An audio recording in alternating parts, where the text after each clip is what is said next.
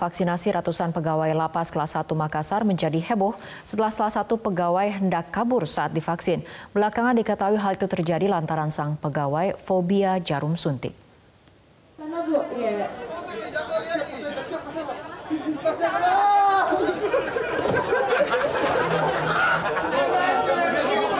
Vaksinasi terhadap 500 petugas lapas kelas 1 Makassar, Sulawesi Selatan tersebut dilakukan oleh petugas Dinas Kesehatan Kota Makassar, Sulawesi Selatan di lapas kelas 1 Makassar.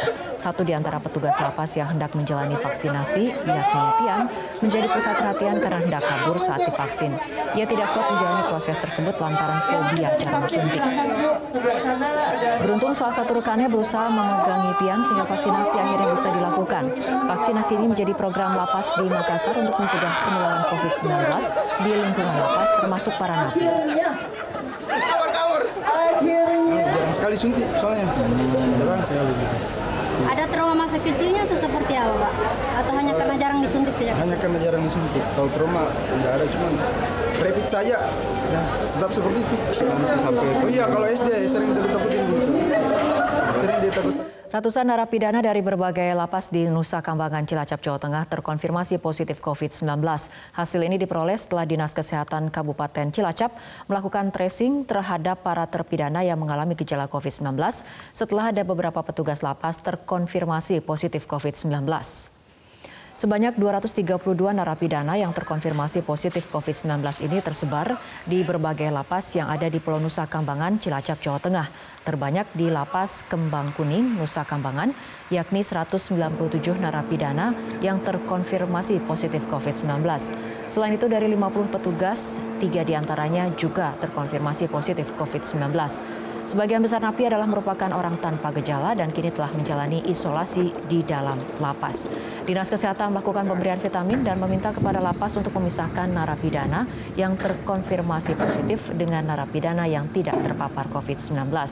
Atas kasus ini, lapas sendiri saat ini telah menutup semua aktivitas kunjungan dan meminta kepada seluruh narapidana yang positif untuk menjalankan protokol kesehatan di dalam lapas itu uh, napi sudah... dan pegawai ya bu itu bu ya, ya napi dan pegawai. Kalau yang tadi tamu magang itu hmm. sudah sudah uh, selesai isolasi mandiri sehingga memang sudah tidak masuk bu dari sekian dari 200 itu ada yang dirawat nggak bu? Semuanya ada di sana di isolasi mandiri. Tidak ada yang dirawat ke rumah sakit. Karena yang tadi saya sampaikan sebagian besar itu tanpa gejala. Hmm. Ada yang bergejala tapi hanya gejala ringan. Mantan Jaksa Agung Basrif Arif meninggal dunia di usia 77 tahun Selasa pagi. Jajaran Korps Adiaksa memberikan penghormatan terakhir di gedung kejaksaan. Iring-iringan mobil jenazah yang membawa mantan Jaksa Agung Basrif Arif mendapat penghormatan terakhir oleh jajaran Korps Adiaksa di gedung Kejaksaan Agung Selasa sore. Para pegawai memberikan hormat kepada mobil jenazah yang membawa mantan Jaksa Agung era Presiden Susilo Bambang Yudhoyono tersebut. Kepala Pusat Penerangan Hukum Kejaksaan Agung Leonard Eben Simanjutak menjelaskan almarhum dikenal sebagai sosok pekerja keras serta sangat bersahaja. Almarhum dimakamkan di Taman Makam Pahlawan Kalibata, Pancoran, Jakarta Selatan. Namun pemakaman digelar secara tertutup dari awak media dikarenakan protokol kesehatan di masa pandemi COVID-19 ke-22 beliau juga jaksa agung yang selama ini juga memberikan upaya-upaya uh, pembangunan di kejaksaan yang lebih baik dan terobosan-terobosan yang cukup besar dan beliau adalah jaksa karir dari mulai masuk di kejaksaan sampai dengan beliau dapat sebagai jaksa agung. Kita beralih ke informasi lain, Dewan Perwakilan Rakyat menggelar rapat paripurna untuk mengesahkan prolegnas prioritas tahun 2021. Dewan Perwakilan Rakyat menggelar rapat paripurna untuk mengesahkan prolegnas prioritas tahun 2021. Sejumlah RUU yang pembahasannya alot termasuk prioritas 2021 seperti RUU Perlindungan Pekerja Rumah Tangga dan RUU Penghapusan Kekerasan Seksual. Ketua DPR Puan Maharani memastikan DPR akan berkomitmen untuk membuka ruang partisipasi bagi rakyat dalam setiap pembahasan RUU. Pernyataan ini disampaikan di sela rapat paripurna DPR RI untuk mengesahkan program legislasi nasional atau prolegnas prioritas tahun 2021. DPR berkomitmen meningkatkan kinerja legislasi dengan menitik beratkan pada kualitas produk legislasi. Produk legislasi harus dapat memenuhi kebutuhan hukum nasional, memberikan kepastian hukum, serta meningkatkan kemajuan dan kualitas kehidupan berbangsa dan bernegara. Dalam prolegnas prioritas 2021 terdapat 33 RUU dan 5 draft RUU kumulatif terbuka.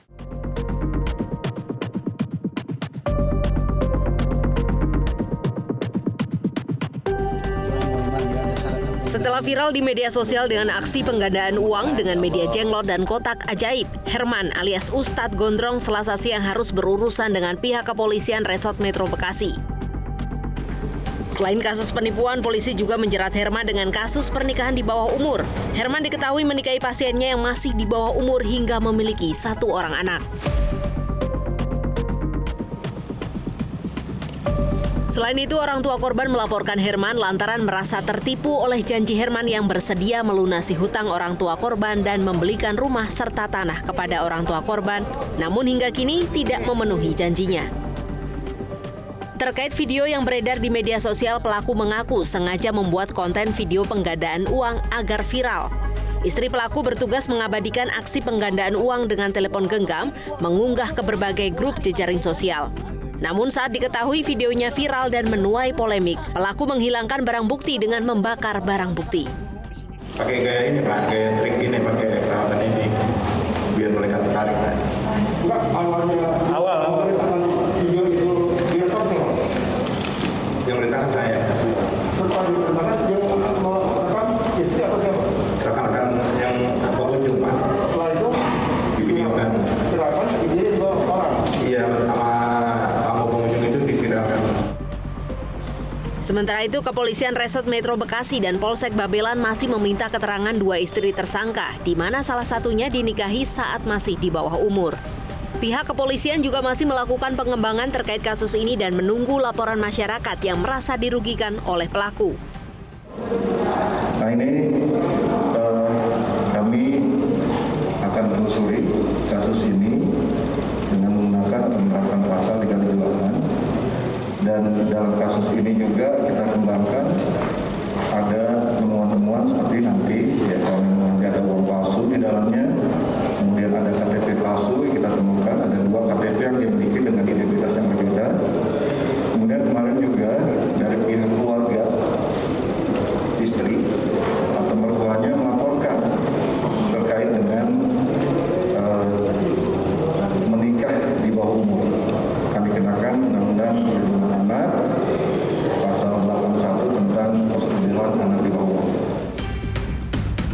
Atas perbuatannya pelaku diancam pasal 81 junto pasal 76D Undang-Undang Nomor 17 Tahun 2016 tentang perlindungan anak dengan ancaman hukuman 12 tahun penjara. Dari Bekasi, Jawa Barat, Ahmad Nur Hidayat, Metro TV. Pengadilan Negeri Jakarta Timur menggelar sidang eksepsi atau penyampaian nota keberatan dari terdakwa Muhammad Rizik Syihab atas perkara pelanggaran kesehatan akibat kerumunan di Petamburan dan Megamendung serta terkait hasil tes usap di Rumah Sakit Umi Kota Bogor. Sidang penyampaian nota keberatan dengan terdakwa Muhammad Rizik Syihab dimulai sejak pukul 11 lebih 30 menit waktu Indonesia Barat. Sidang dipimpin oleh Hakim Suparman Nyompa ini berlangsung secara daring. Terdakwa Muhammad Rizik Syihab mengikuti sidang melalui video conference dari Baris Krim Polri dengan didampingi oleh tim kuasa hukum. Humas Pengadilan Negeri Jakarta Timur Alex menjamin kelancaran dan stabilitas koneksi internet pada saat sidang secara daring ini karena pihaknya telah memperbaiki kendala teknis yang terjadi pada sidang perdana selasa pekan lalu. 1.788 personil TNI Polri ditugaskan untuk mengamankan sidang. Pihak kepolisian terus mengimbau simpatisan Rizik Syihab yang datang ke Pengadilan Negeri Jakarta Timur untuk tertib protokol kesehatan, yaitu tidak menimbulkan kerumunan. Dalam sidang, pengacara Rizik meminta hakim menunda sidang dan menjadwalkan sidang secara offline.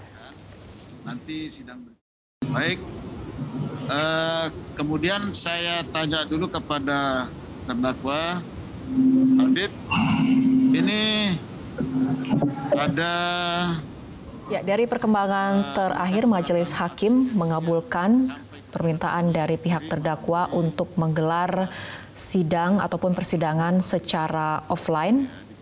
Persidangan nantinya akan dilanjutkan pada tanggal 26 Maret 2021. Kuasa hukum Rizik Syihab Alam Syah Hanafiah menjelaskan poin-poin yang menjadi eksepsi dari Rizik Syihab. Alam Syah mengatakan ada sejumlah pasal yang tumpang tindih dan dinilai harus dibatalkan. Pasal 160 KUHP ya, itu delik pidana umum tidak bisa diuntukkan kepada delik pidana khusus. Pasal 93. Itu ya alasan kedua, itu juga batal demi hukum. Alasan ketiga ya, ancaman hukuman di pasal 160 unsur-unsurnya berbeda, ancaman hukumannya berbeda dengan pasal 93 KUHP, eh, pasal 93 Undang-Undang Kekarantinaan mempunyai ancaman tersendiri dan unsur-unsur tersendiri.